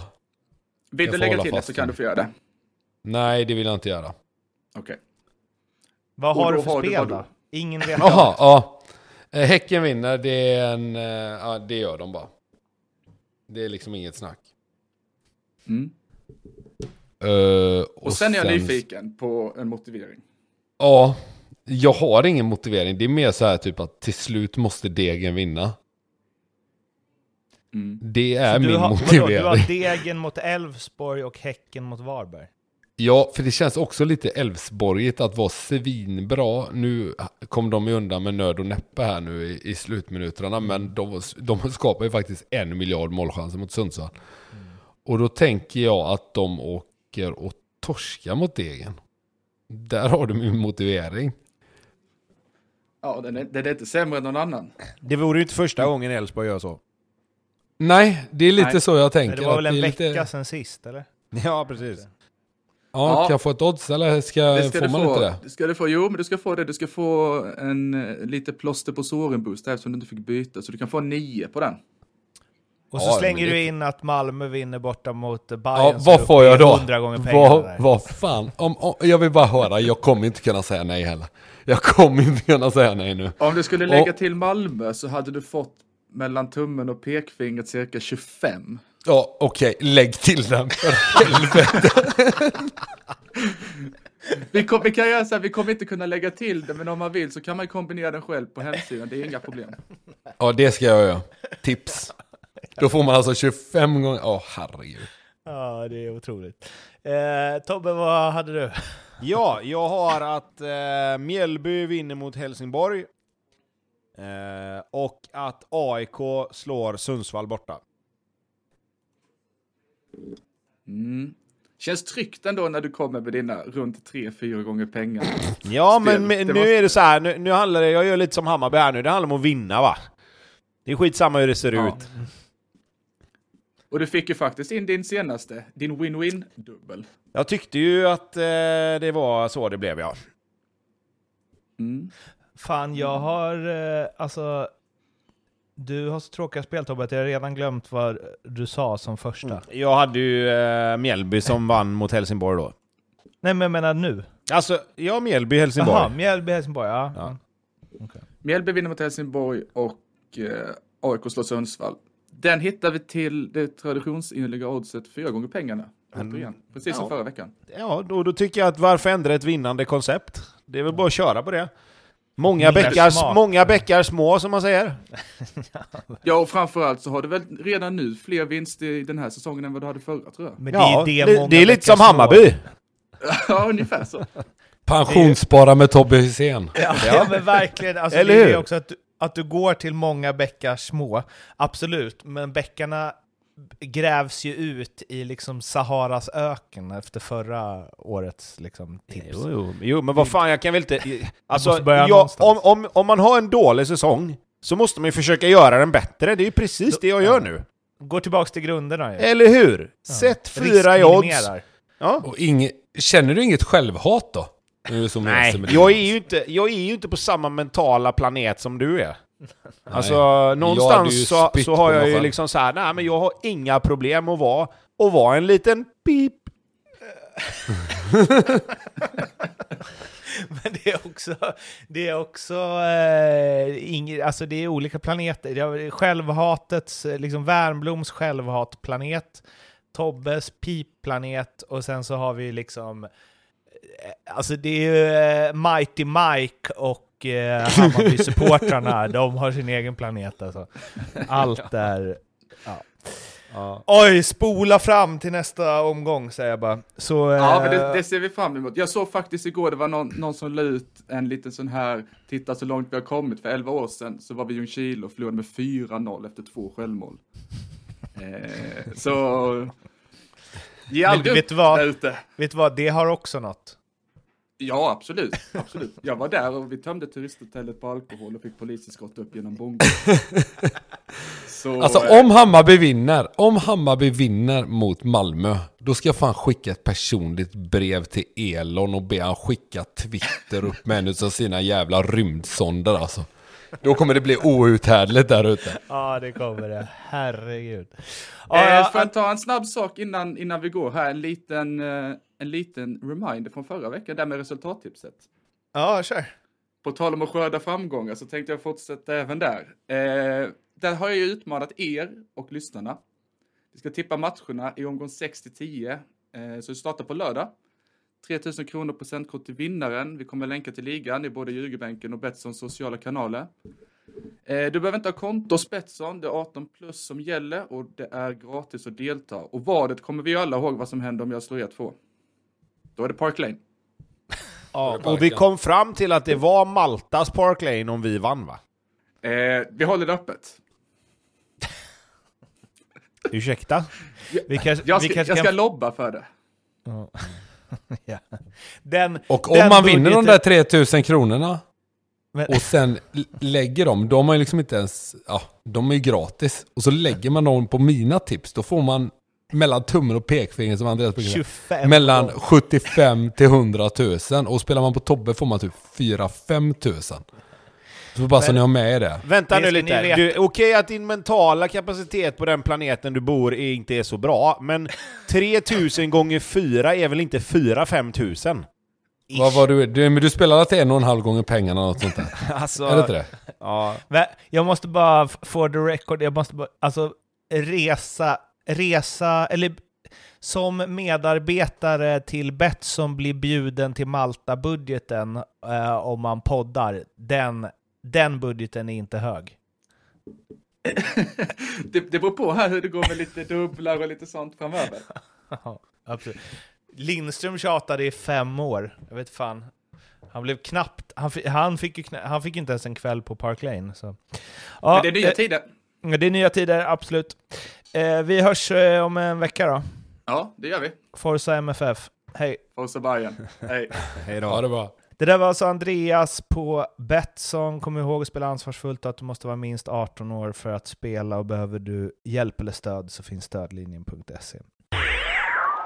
Nu har vi ett gäng matcher vi ska bränna av här eh, lite fort. Eh, börjar eh, Värnamo-Degerfors. 1. Grattis Värnamo. Tre pinnar, de första i Allsvenskan. 2. Oskar Johansson. 100 miljoner, eller? Ja, vi kan börja prata om det efter omgång 30 i sådana fall, om man fortsätter så här. Ah, vilken king. Jag tror han spelar i Norrköping eller Elfsborg nästa år.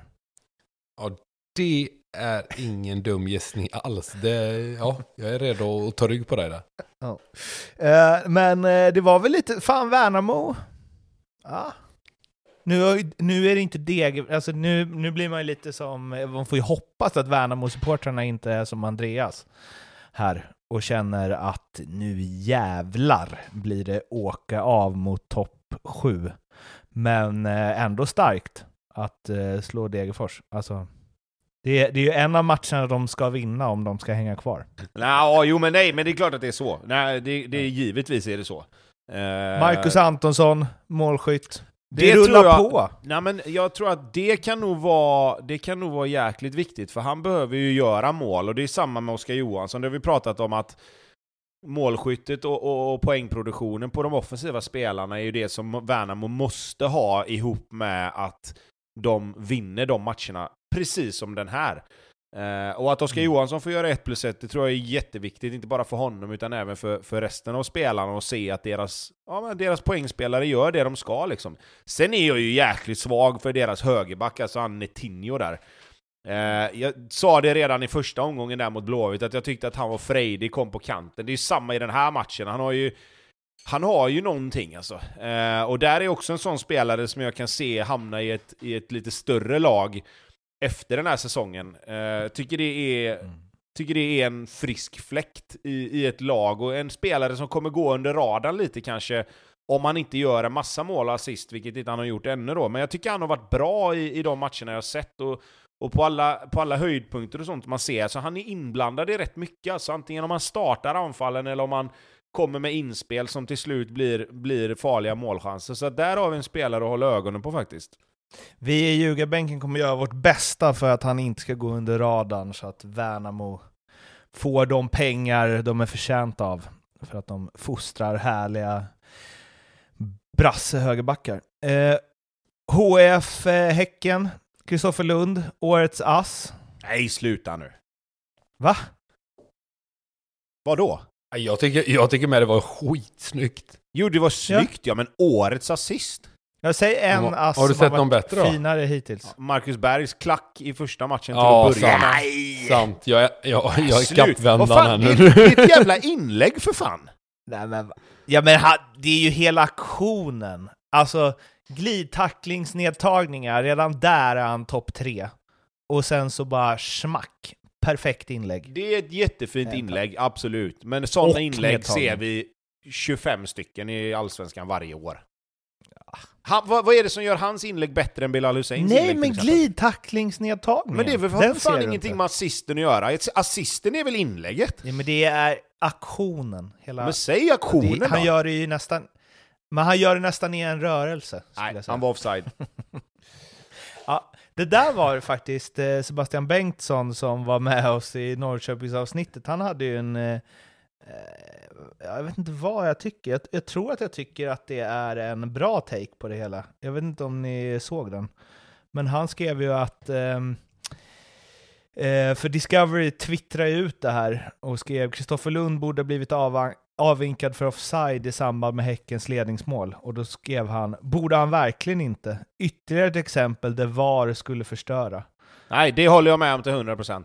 Eh, och så skrev han efter det att eh, han fick ju lite, lite mothugg på den här grejen kan man ju säga. var väl en och annan eh, var väl en och annan eh, Häcken-supporter, eller en Häcken-supporter kanske, som inte höll med. Eh, men han eh, argumenterar ju för att VAR ändrar sporten i grunden och flyttar gränsen för vad rätt är långt bort från där den är idag. Utifrån hur fotboll är tänkt att spelas ger VAR mycket mer fel än en domare. VAR-fotbollens regler däremot blir nog mer rätt med VAR, men det är ju i praktiken en annan sport. Det gillar jag när man ser en chans och eh, drar fanan för det man eh, tycker. Borde det... Hade ni... Eh, hade ni tyckt att det var tråkigt om det blåstes bort det där målet? På grund av VAR? Ja. Det ska inte vara något jävla VAR. Pontus? Så absolut. Ja, nej, jag, jag hatar ju VAR så. Mm. Ja. Fint. Tavla, Abrahamsson på 1-1? Frågetecken. Eh, ja. Eh, ja. Vi vi vet inte ens vart vi ska Fan. börja. Det är, det är fel hela vägen ju. Nej, det, det är så horribelt ingripande så det finns ju inte. Och framförallt i... Man, kan- det är klart 96. han inte med, ja, någonstans där liksom. Eh, det är klart, det spelar ingen roll vilken minut det är egentligen, men det är inte ens en bra frispark. Jag skulle säga att den är rätt dålig till och med. En mittbacksfrispark är det ju. Ja, men att skjuta det hörnet från det avståndet, det ska ju inte gå. Eh, nu gör det ju det och då blir det givetvis en jättetavla.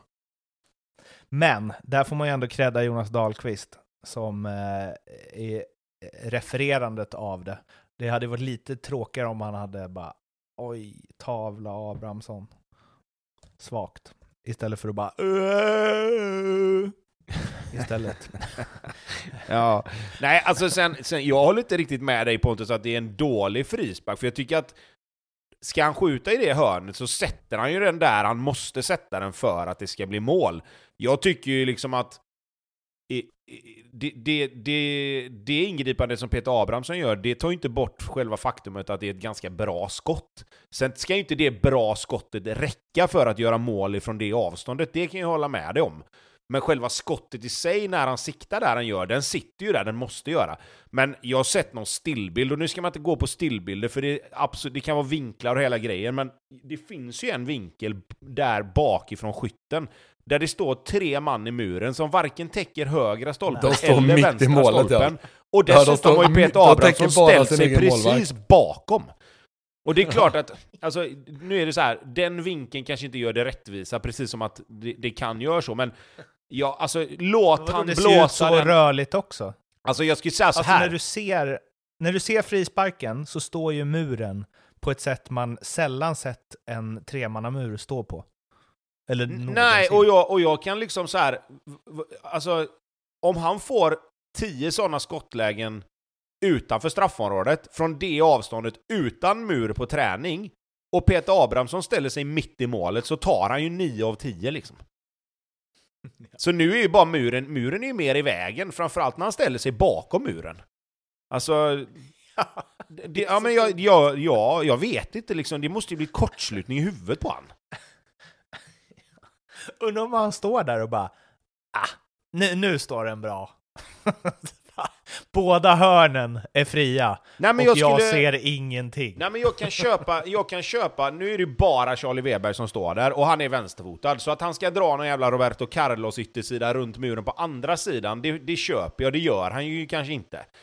Men, men just det här att han ställer sig, vad det ser ut som då, bakom muren är ju lite konstigt, för han täcker ju liksom varken, han täcker ju varken vänsterhörnet eller högerhörnet.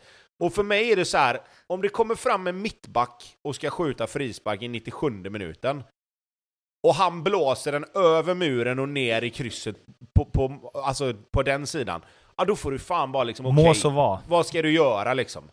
Men att släppa det hörnet som någonstans är liksom, okej, det, det här, den här tar jag bara. Han går ju, tar ju ett steg och tar den om man står på rätt ställe. Så att, ja, han lär inte släppa en frispark till i det hörnet i år, det tror jag inte. Sen eh, är det inte bara hans fel det här. Leo fucking Bengtsson.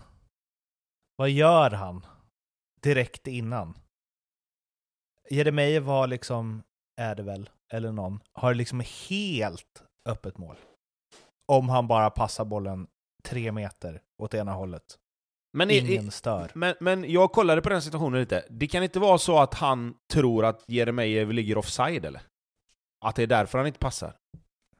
Att han är lite Du tror inte framför bara Leo att det är Bengtsson? spelsinne då? Jo, det kan det absolut vara. Men jag tänker mer utifrån... Det känns ändå som Leo Bengtsson hade passat, eller? Han är väl ingen sån spelare? Jag vet inte. Nu har jag bara kollat på den här situationen en eller två gånger, så jag kan inte säga svära. Men sen också, det är ju inte bara Leo Bengtssons fel heller. Alltså Häcken har ju... Hur många, häck, hur många chanser de har inte lite. Häcken att döda den här matchen innan 97 liksom? Och då är vi där igen. Inte att Häcken var lika överlägsna som Malmö var, men då är vi där igen. Det är ju det här som händer när du bara leder med ett mål. Då kan det bli så här liksom. En eh, grej kring den här matchen som ju, ja, det var ju inte igår alltså man såg något sånt här, men eh, Erik Friberg var ju petad, han var utanför truppen till och med. Eh, och eh, eh, ja, ehm, han eh, uttalade sig själv och sa, eller uttalade sig och sa att jag har bara velat spela så får man ta det när det kommer. Om jag inte spelar några matcher så blir det kanske svårt att fortsätta nästa år och så. Hans kontrakt går ju ut efter den här säsongen.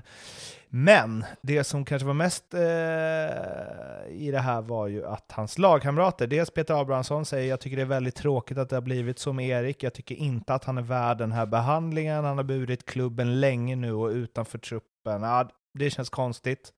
Jeremejeff säger, jag vet inte allt bakom, men med tanke på att han i princip är vår viktigaste spelare, eller åtminstone har varit det, och vår kapten. Sen ur lagets synpunkt och egen synpunkt är han en av de spelarna som är viktigast för anfallsspelet och för mig. Han löser upp knutar och bestämmer spelet och tempot. Det har väl sin anledning och det är inte så att man som spelare alltid håller med, men det är klart som fan att man behöver sin kapten och viktigaste spelare i matcherna. Och Högmo säger ju att Erik är en legend. Eh, och sättet han var och bar oss i fjol var outstanding definitivt, så det är inte roligt att ställa honom utanför, men det är mitt jobb och bla bla bla, och jag tar ut det laget som är bäst lämpat för tillfället. Att spelare, lagkamrater, säger så om eh, en spelare som ställs utanför truppen, eh, jag kan inte komma ihåg när jag såg det sist. Nej, det är sprängstoff du.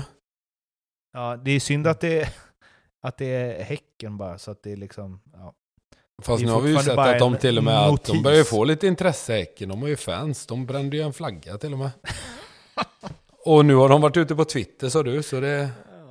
Det börjar hända grejer där och det här är väl sprängstoff av något. Eh, som du säger Mårten, man ser sällan spelare gå ut och ta... Nej, det är väl ytterst sällan. Det är väl... Ja. om man ska vara helt ärlig, när, när saker och ting, när de, den typen av saker händer, då är livslängden på tränaren inte särskilt lång, om man ska säga så då. För då är det ju att, då har han ju fått spelargruppen emot sig, mer eller mindre. Ja, det är väl det här det är. Det är alltså när, den största, när lagets bästa spelare, som man väl ändå får säga att, alltså, ja, Jeremejeff är, när han säger så med den status han har i laget. Ja, det är det, ju... Det, gör, det är ju... Ja, det ändrar ju lite spelplanen för, för Högmo här. Ja. Eh, om man har tappat sin, sin bästa spelare, plus då att inte ha med sin kapten på, på bänken ens en gång. Och eh, Friberg säger ju alla, alla rätta saker här såklart. Eh, det, det är ingenting som ska falla på honom. Men det är ingen Viktor Edvardsen. Nej, det är det inte. Ja. Nej, det, det är, här är det media skick, skicklig på, på att navigera i, i det farvattnet. Eh, Men att Jerma Jeff går ut med den här kritiken som man ändå får säga att det är. Det är ju verkligen uppseendeväckande tycker jag. Eh, Jag vet inte, vad säger du Tobbe om det här? Jag, jag tycker att det är någonting som ligger och, och, och skaver här. Ja, alltså... ja, verkligen. Ja, men jag, jag håller med, och, och jag kan tycka så här liksom att hade, hade det varit ett, ett, liksom ett faktum att Erik Friberg hade varit ganska dålig på träning till exempel, och att han inte riktigt har kommit tillbaka ordentligt från en skada, och att det hade märkts på träningarna, så hade ju även spelarna någonstans känt att okej, men han är inte riktigt på platsen. Eh, det är klart att han kan hamna utanför truppen, han har inte varit så bra på träningarna liksom. Sen att det är en viktig spelare och deras kapten och allt det här, det kan man ju skydda liksom. Men, men att säga så som Jeremejeff gör, att han är viktig för deras anfallsspel, att han dikterar spelet, det för mig säger ju att de tycker att han borde vara med, och då kan jag ju tro att slutsatsen jag drar då, det är att de tycker att han har varit tillräckligt bra på träningarna för att vara med. Eh, och det gör ju hela grejen, det lägger ju på en, ett lager till i det här, för då är det ju som att då säger de ju mer eller mindre till sin tränare att han är visst tillräckligt bra, du måste ta med honom. Och där blir ju krocken sen. Hur gör Högmo nästa match nu? Hade de vunnit den här matchen så hade det inte varit några problem. Men nu vann de inte. Å andra sidan så skapar de tillräckligt mycket målchanser för att kunna vinna matchen, så det var ju inte anfallsspelet som var problemet egentligen. Så att det, du sätter ju coach i en jävla rävsax här, alltså för att oavsett hur han gör nästa gång nu, så kommer han ju antingen vika sig då, sen kanske Erik Friberg hade varit med i truppen nästa match oavsett, men det vet vi ju inte, det blir en hypotetisk fråga nu. För är han med i truppen så kommer det ju bli att okej, nu har spelarna fått bestämma, nu har inte tränaren längre liksom det sista ordet, och tar han inte med honom, då blir det så här, vad händer med resten av spelarna? Vad händer med Erik Friberg? Gör han det bara för att markera mot att spelarna, okej, de har ingenting att säga till om, jag tar ut truppen.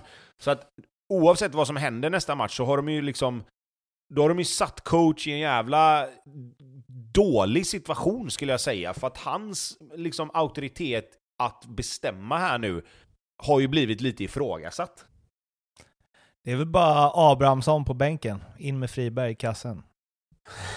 Nej. Nej, men jag tror att det som, hade varit, det som hade varit det allra bästa för Häcken nu, det är ju om Erik Friberg faktiskt kanske spelar och är bäst på plan. För att då kommer ju liksom Högmo, då kommer Högmo liksom, okej, vi satte in Erik, han var så jävla bra som vi tänker och tror att han är. Då får, då får coach lite cred för att han ändå valde att sätta in honom. Spelarna, det visar sig, okej, vi har rätt. Det blir fortfarande en konstig situation, men det blir den bästa av några konstiga situationer. Skulle han sätta in Erik Friberg och Erik Friberg är direkt dålig, då, kom, då, då kommer det ju bli liksom, då blir det ju kaos. Alltså, för då kommer, han, då kommer det bli det här snacket att ah, det var då svagt att sätta in en spelare som man inte riktigt tror på. Han är inte för, alltså, ja, vi behöver inte resonera vidare, men, men det bästa av en konstig situation är om Erik kommer in och gör det så bra som vi vet att han kan. Jag tror att du är helt snett på det. Jag tror att han måste fortsätta att peta dem. Annars så någonstans så kommer han ju ge efter för, för vad gruppen tycker Vet och du- tänker. Vet Alltså. du vad det bästa för den här podden är? Det är att Jerma Jeff sitter på bänken nästa match. Ja. Nej, jag, jag, jag, vet, alltså jag, säger, jag säger inte vad jag tycker är bäst eller, eller sämst. Jag tror bara vad som har varit bäst för Häcken är ju om Erik Friberg är bra. För, för att lösa knutar liksom runt omklädningsrummet. Sen kan jag hålla med dig om att han måste visa vem som bestämmer. Eh, men, men problemet blir ju om, han, om, om Erik Friberg gör en jättebra träningsvecka och förtjänar att vara med, och så ska han då peta honom bara för det som har hänt. Det blir ju också jättekonstigt. Jag tror att han kommer stå på sig i alla fall. Jag tror att han, annars så tappar han ansiktet inför gruppen. Det tror jag är rätt så... Rätt så... Eh, det, det vågar jag nästan... Eh, Eh, våga säga här och nu att han, han kommer inte att spela nästa match. Ta Högmo Vilket, och jag tycker att det är svinfel. För Erik Friberg ska fan spela. För han, så pass skicklig är han. Tar, tar, eh, tar Högmo någon snack med Jerma Jeff och company?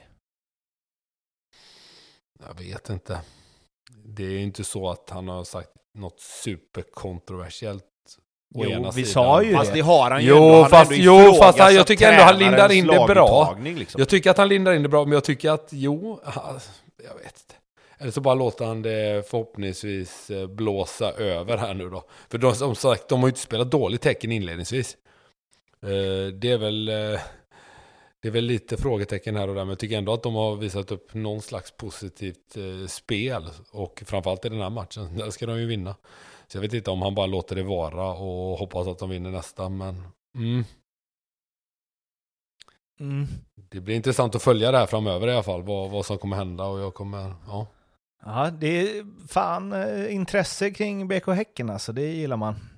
Eh, Elfsborg-Sundsvall, på tal om att bränna chanser. Herre min gud. Det var, det var en sån match där i alla fall jag satt och bara, åh gud, kan det inte få bli 1-1 i den här matchen? Eh, för det kändes som en sån match som och liksom de byter in Molin, hette han va, i målet. Och det, det var ju liksom som upplagt för att eh, målvaktshjälte-rubriker. Eh, men sen så fick ju Elfsborg och hål till, men det är helt otroligt att de inte... Alltså hade de utan krydd, hade de liksom sju kanonbra målchanser som de inte Ja, ja, inte ens, inte ens eh, Discoverys eh, produktion kunde hålla ner highlights-paketet till, till en minut, utan det, det var helvete. Jag vet inte vad de har Nej. för plattform där, men det känns som att deras klipp är så här max två minuter. Men inte ens här kunde de hålla tillbaka. Fyra det minuter var det. Ja. Bombardemang. Ja, Ja, det var det verkligen. Fyra minuter är fan lång tid alltså. eh, nej, men alltså, det, ska vi börja med att bara nästan lite gråt skratta åt Sundsvalls målvaktssituation eller? Alltså, kan det hända mer på fem omgångar än vad det har hänt i Sundsvalls målvaktssituation? Alltså först petad keeper, Linnér gråter ut, jättearg, får kicken typ, givetvis kasta målvakten in fem bollar nästa match, och sen dessutom lyckas han med konststycket att gå och bli skadad bara några veckor senare liksom. Eh, det är inte utan att man tycker synd om Johan Martinsson här, det blir ju ändå dit man hamnar någonstans. Eh, Och att man blir lite nyfiken på vad Fredrik Sundfors gör nu för tiden. Ja, men lite så. Och sen också så, så är det ju så här att man hann ju nästan sätta hjärtat i halsgropen här under matchen också, för när Elfsborg gör sitt 1-0 mål, Så är det inte jättebra agerat. nej men och dessutom så krockar han ju med en egen spelare och Ja. i, i första anblicken så ser det ut som att han ligger kvar inne i målet efter målet har blivit. Och då hinner jag ju ändå tänka, säg inte att han skadade sig också. För då är det ju liksom, då är det en utespelare plötsligt. Och då är det ganska lång tid kvar. Alltså, då hade det ju blivit fullständig katastrof. Eh, så att det var väl tur att han ändå klarade sig så pass som han gjorde där, men nu är det ju liksom prekärt på riktigt, för blir du utburen på bår, då är du borta ett tag. Alltså, då är det ju någonting som gått sönder. Eh, så att, ja, vi får väl se här. Ja, men förutom det, förutom det ingripandet på, på första målet så gör han ju en rätt bra match. i- Ja, i oh ja, övrigt. oh ja! Absolut, Eh, absolut. Så, eh, ja, vi får la se som du säger eh, vad framtiden har att utvisa. Men jag tycker väl inte att det, det är inte optimalt direkt för Sundsvall såklart att ha Nej. målvaktsproblem när man ska befinna sig i de nedre regionerna. Eh, avslutningsvis då, det vi alla och ni alla väntat på, längtat efter. Varberg-Mjällby. 0-0. Ja. Och där var Discovery-produktionen nöjda med. Säga.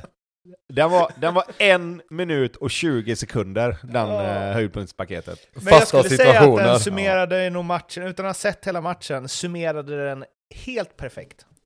Sen ska vi dock säga, och, och du det har väl sett jag... den Tobbe? Ja, Två och gånger. ja, nej men nej, kanske inte två gånger, men jag har försökt att skumma igenom lite grann i alla fall. Här, alltså Samuel Brolins räddning, jag vet Ah, inte vem det är som får jävlar. iväg det här skottet till slut, men det är ju kandidat till årets räddning i Allsvenskan hittills. Eller hittills, det kommer vara det när, när vi summerar Allsvenskan också. För det är ju en situation där bollen lite grann, eh, det är flipper in i straffområdet, den dyker upp framför fötterna på, och jag kan inte nu med rak arm komma ihåg vem det är som skjuter. Men det är alltså en lite halvstudsande boll från typ sju meter som han drar stenhårt och Brolin bara får upp en näve och räddar ut den till hörna. Alltså det är en sån sjuk räddning. Så har ni inte sett den så gå in och kolla. Han hade, galen han hade ju några alltså. andra också. Ja, absolut. Men den räddningen Alltså- sticker ändå ut alltså. Den är Ja. liksom... Den, för den här matchen... Spontant så skulle jag säga att var det något lag som var förtjänt att vinna matchen så var det ändå Varberg. Eh, jag tycker de är lite bättre på det som de gör än det som Mjällby gör i den här matchen. Men också på grund av att det här är liksom, det är mål 90 gånger av 100 det här liksom. Alltså 95 Varberg påminner, mig, Varberg påminner mig sjukt mycket om Ljungskile, framförallt på de fasta situationerna alltså. Vilka jävla skithus det är som kommer in i straffområdet där och det är farligt nästan varje gång. Men det var ju en, alltså en grej med den här matchen, på tal om Ljungskile då. Det är ju, alltså för mig, som bara har sett den här minuten på Discovery, så, alltså bara allt andades superettan. Ja, jag Liksom, tänkte säga det, med division 1 lagen- södra. Lagen, resultatet, highlightsen, tröjorna, alltså Mycket Allt. reklam. ja, liksom arenan, allt. Allt var liksom, ja, det här är en match mellan lag 5 och 6 i Superettan. En helt okej match. Uh, vilket är ju bara fint och bra. Det är liksom att man spolar, spolar tillbaka allsvenskan några år.